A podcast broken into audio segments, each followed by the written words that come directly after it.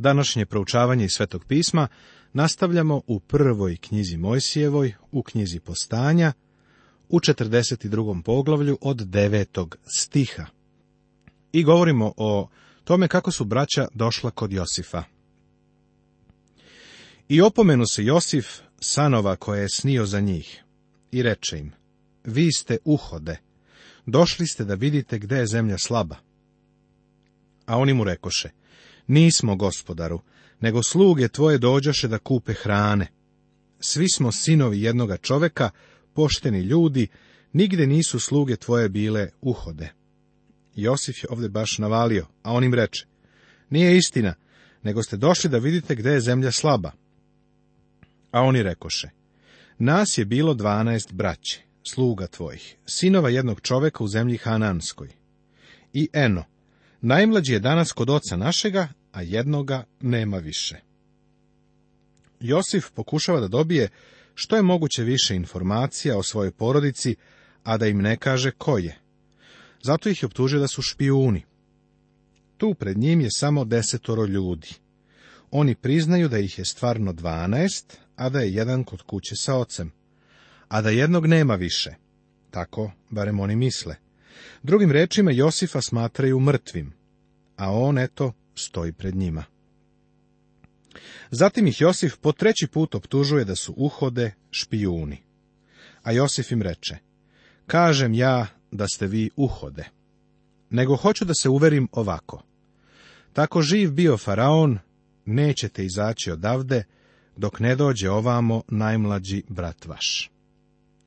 Pošljite jednog između sebe, neka dovede brata vašega, a vi ćete ostati ovde u tamnici, pa ću vidjeti je li istina što govorite. Inače ste uhode, tako živ bio faraon. Josif pokušava da uspostavi kontakt sa najmlađim bratom. Ovi ljudi su u stvari njegova polubraća, a Venjamin je njegov pravi brat i on bi želeo da ga vidi. Ovo je način na koji će to on ostvariti i zatvori ih u tamnicu na tri dana. Zatvara ih u gradsku tamnicu. Stvari im sada izgledaju loše i oni se pitaju šta će se desiti. A treći dan reče im Josif, ako ste radi životu ovo učinite, jer se ja Boga bojim. Ako je bilo išta što bi braći nagovestilo ideju ko je Josif, to je bila ova izjava – on kaže, jer se ja Boga bojim. U to vreme bilo je i drugih ljudi, pored Jakova i njegove porodice, koji su poznavali Boga. Oni su znali da je put do Boga bio kroz žrtvu. Međutim, ovakva stvar verovatno ne bi podstakla interesovanje njegove braće. Možda su čak postali i pomalo sumnjičavi prema njemu. On barem svedoči o Bogu. Želeo bih da primetiš da Josif nikada ne propušta ni jednu priliku da posvedoči o Bogu. On svakako to i sada čini. On uvek Bogu daje slavu, kao onome koji upravlja njegovim životom. Izjava da se boji Boga, bar bi trebalo da ohrabri njegovu braću, da veruju da će u njegovoj ruci biti pravedno tretirani. Ako ste pošteni ljudi, jedan brat između vas neka ostane u tamnici, a vi idite i odnesite žita koliko treba porodicama vašim. Pa onda dovedite k meni najmlađega brata svojega, da se posvedoče reči vaše i da ne izginete. I oni učiniše tako. Njegova braća su muškarci, neki od njih su prevalili 50. godinu, pa sada su se našli u neprijatnoj situaciji, pod sumnjom. Njima se pozabavio neko ko se boji Boga, ali oni se plaše, jer ne znaju šta će on učiniti. Josif pravi izgovor sa proverom da bi video da li su stvarno iskreni ljudi. Ali ono što stvarno želi jeste da sljedeći put dođe i njegov mlađi brat. I rekoše jedan drugom, doista se ogreši o brata svojega jer vide smo muku duše njegove kad nam se moleše, pa se ogluši smo, zato dođe na nas ova muka. Ovo ovde što se dešava je stvarno zanimljivo. Oni govore jevrejski, a Josif ih razume. Josif je sa njima razgovarao preko tumača, preko prevodioca. To nije bilo potrebno, ali je to učinio jer se predstavljao kao egipćanin. Oni u stvari ovdje priznaju svoju krivicu a Ruvim odgovorim govoreći, nisam li vam govorio nemojte se grešiti o dete, ali me ne poslušaste. I zato se evo traži od nas krv njegova. Oni smatraju da ono što im se događa jeste Božija osveta, zbog toga kako su postupali prema Josifu. Simeun ostaje kao talac. A oni ne znadehu da ih Josif razume, jer se s njim razgovarahu preko tumača. A Josif okrete se od njih i zaplaka se. Potom se opet okrete k njima i progovori s njima i uzev između njih Simeuna, veza ga pred njima. Oni kažu da im se ovo zlo dešava zbog zla koje su učinili Josifu. Sada se stvarno kaju. Josif čuje svaku reč i svega to dotiče. On bi tako voleo da im priđe, zagrli svakoga od njih i nazove ih braćom. Ali se ne usuđuje da to učini, jer nikada ne bi uspio da dovede Venjamina. Sada ih stvarno stavlja na probu. Oni moraju da ostave jednoga brata, i to je Simeun. Josif je tako dirnut, tako ga je sve to emotivno dotaklo, da je zaplakao. Ali on odlazi u stranu, umiva se, a zatim ponovo izlazi kao da se ništa nije desilo. Ne znam zašto su izabrali Simeuna. Pretpostavljam da dok je Josif bio odsutan iz prostorije, njegova braća su odlučila da Simeun ostane, a Josif se sa tim izborom složio. I zapovedi Josif da im naspu vreće žita, pa i novce što je koji dao da metnu svakome u vreću i da im dadu brašnjenice na put i tako bi učinjeno. On jednostavno nije mogao da primi njihov novac. Tako, ne samo da im vraća novac kojim su platili žito, nego im još daje i hranu za put kući. Devetorica braće vraćaju se kući. I natovarivši žito svoje, na magarce svoje otidoše. A jedan od njih otvori svoju vreću da nahrani magarca, svojega u jednoj gostionici vide novce svoje odozgo u vreći. I reče braći svojoj, ja dobih natrag novce svoje, evo ih u mojoj vreći. I zadrhta srce u njima i uplašiše se govoreći jedan drugome, šta nam to učini Bog? Oni su dakle smatrali da je ovo Boži sud nad njima. U običnim prilikama ovo bi bile radosne vesti, i baš bi divno bilo da ti neko vrati novac. Da te pitam ovako, da li bi voleo da odeš u omiljenu samoposlugu, u svoju nedeljnu nabavku, da natovariš nekoliko velikih kolica, kupiš sve za celu porodicu, a onda, da li bi voleo da kod kuće otvoriš kese i vidiš da su ti vratili sav novac kojim si platio kupovinu? Misliš li da bi to za tebe bila loša vest?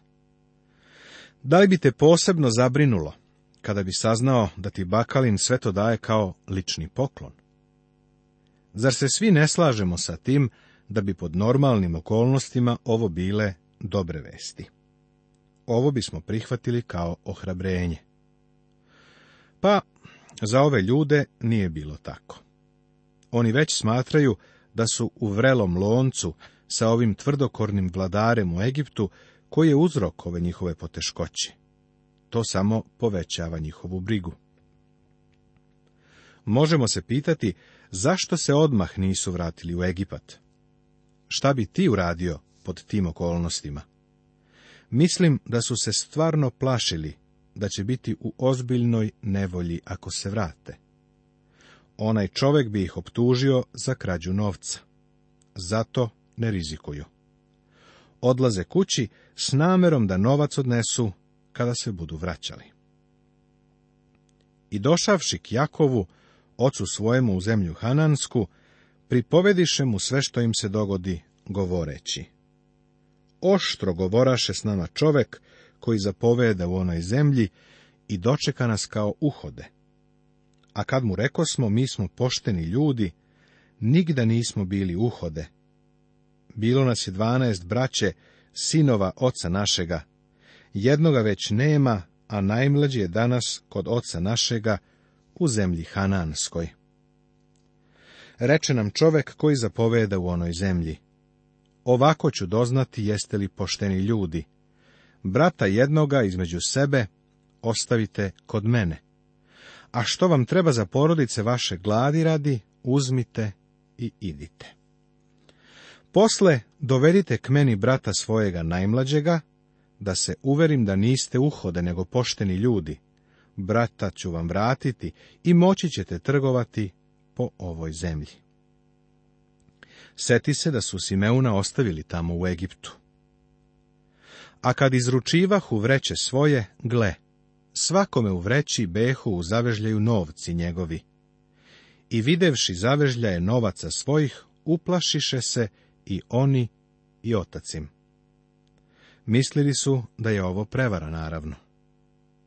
I reče im Jakov otac njihov, potrste mi decu. Josifa nema, Simeuna nema, pa hoćete i Venjamina da uzmete. Sve se skupilo name. Siroti, stari Jakov. On nije onaj drski čovek kakvog smo ga poznavali, niti je baš potpuno čovek vere kakvog ćemo ga kasnije vidjeti, ali raste. Sada se ne hvališe nego je vrlo pesimističan. On kaže, sve se skupilo name. Njegov sin Josif tako nešto ne bi rekao, ali Jakov to govori. Josif bi rekao ono isto što je mnogo godina kasnije napisao apostol Pavle. A znamo da Bog sve pomaže na dobro onima koji ga ljube, koji su po njegovoj odluci pozvani, piše u poslanici Rimljanima u osmom poglavlju, Svetoga pisma, Novog zaveta. I još piše, uzdajući se baš u to, da će onaj koji je započeo dobro delo u vama, dovršiti to do dana Hrista Isusa. Ovo piše u poslanici Filipljanima, u prvom poglavlju Svetoga pisma Novog Zaveta. A Ruvim progovori i reče ocu svojemu, Dva sina moja ubij, ako ti ga ne dovedem natrag. Daj ga u moje ruke i ja ću ti ga opet dovesti.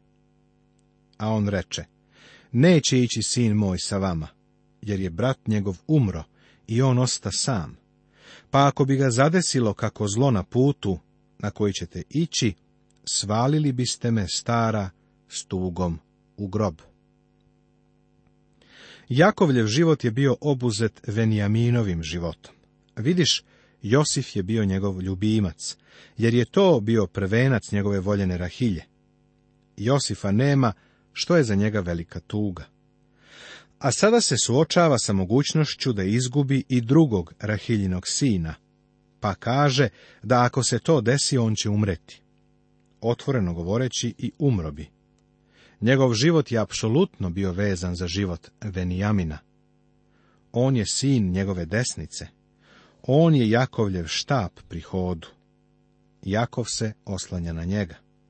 To je on činio tih posljednjih godina, pa Jakov kaže da ga neće pustiti da ide u Egipat. U međuvremenu, jadni Simeun je tamo u tamnici ostavljen da čeka. Poglavlje 43. Zbog ozbiljne prirode gladi, Jakovljevi sinovi su primorani da se vrate u Egipat sa Venijaminom, gde ih ponovo prima Josif, kome je Venijamin predstavljen. Josif im ni tada ne otkriva svoj identitet. Ovo je nesumnjivo najdramatičnije poglavlje u prvoj knjizi Mojsijevoj. Ne znam ni za šta drugo što je tako dirljivo, kao što je Venijaminovo pojavljivanje pred Josifom ono što ih ponovo dovodi u Egipat, jeste ozbiljna priroda gladi. Da je glad prošla, mislim da bi Simeun ostatak života proveo dole u egipatskoj tamnici, ili makar sve dok ga Josif ne bi oslobodio. Jakov svoje sinove, uključujući i Venijamina, šalje u Egipat. Ali glad beše vrlo velika u onoj zemlji. Pa kad pojedoše žito koje bijahu doneli iz misira, reče im otac, idite opet i kupite nam malo hrane. Jakov je shvatio da će umreti od gladi ako ponovo ne odu u Egipt. A Juda mu progovori i reče, tvrdo nam se zareka onaj čovek govoreći, nećete vidjeti lice mojega ako ne bude s vama brat vaš. Ako ćeš pustiti s nama brata našega, ići ćemo i kupit ćemo ti hrane. Ako li nećeš pustiti, nećemo ići, jer nam je kazao onaj čovek. Nećete vidjeti lice mojega ako ne bude sa vama brat vaš. Onaj čovjek je njihov brat Josif, ali oni to ne znaju. On im je izložio jasne i odsečne uslove ili predloge i oni su znali da je bio ozbiljan. Juda vrlo odlučno kaže ocu, ako ponovo idemo dole, moramo povesti i Venijamina. Pre nisi hteo da ga šalješ, ali nema svrhe da idemo, ako on ovog puta ne ide sa nama, jer onaj čovek neće hteti da nas primi. A Izrael reče, što mi to zlo učiniste i kazaste čoveku da imate još jednoga brata? A oni rekoše, Čovek je potanko raspitivao za nas i za rod naš, govoreći, je li vam još te živ otac? Imate li još braće? A mi mu smo kako nas pitaše. Jesmo li mogli kako znati da će kazati dovedite brata svoga? Siroti stari Jakov je stvarno frustriran. On kaže, zašto ste uopšte tom čoveku rekli da imate još jednog brata? on ne shvata da je Josif to i onako znao. Ali Jakov bi više voleo da su njegovi sinovi čutali. I reče Juda Izrailju ocu svojemu, pusti dete sa mnom, pa ćemo se podignuti i otići, da ostanemo živi i ne pomremo i mi, i ti, i naša deca. Ja ti se jamčim za njega, iz mojega ruke išti, ako ti ga ne dovedem natrag i predate nestavim, da sam ti kriv do veka. Braća su bila vrlo razumna u odgovoru koji su dali ocu. Rekli su mu da nisu imali nameru da onom čoveku sve kažu, ali da ih je on stalno ispitivao. On je naumio da dobije informacije i ne bi se zaustavio sve dok ih ne dobije. Mi to znamo onda Juda istupa kao garancija ili jemstvo za Venijamina. Prijatelju, ti i ja danas imamo jemstvo i ono potiče iz judinog plemena. Gospod Isus je zauzeo to mesto i on je postao moj pastir, umjesto mene je primio kaznu. Ja nisam mogao da ispunim njegov standard. Nisam mogao da se uspnem na njegov nivo. Ali gospod Isus je došao i postao moje jemstvo i svoj život položio za mene. Kakvu sliku Hrista imamo ovde? Da nismo toliko oklevali, do sada bismo se već dva puta vratili. Juda ovde kaže, da si pustio venijamina da ide, do sada bismo već i otišli tamo i vratili se kući. Onda reče Izrael otac njihov, kad je tako, učinite ovo. Uzmite što najlepše ima u ovoj zemlji u svoje vreće i ponesite čoveku onom dar. Malo tamjana i malo meda, mirisava korenja i smirne, urme i badema.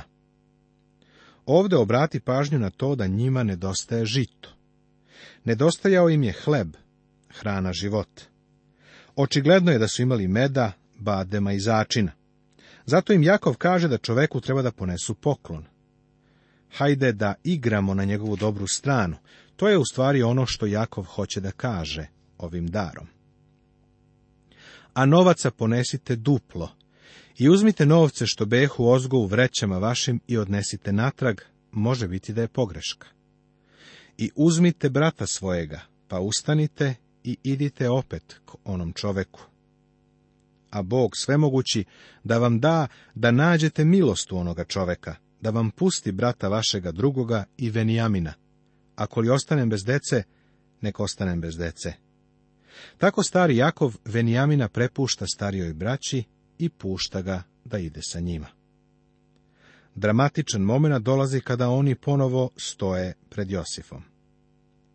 Tada uzevši dare i novaca dvojinom, uzevši i Venijamina, podigoše se i otidoše u Misir i izađoše pred Josifa. Možeš dobro zamisliti Josifove emocije kada su njegove oči ugledale Venijamina. Nastavit će se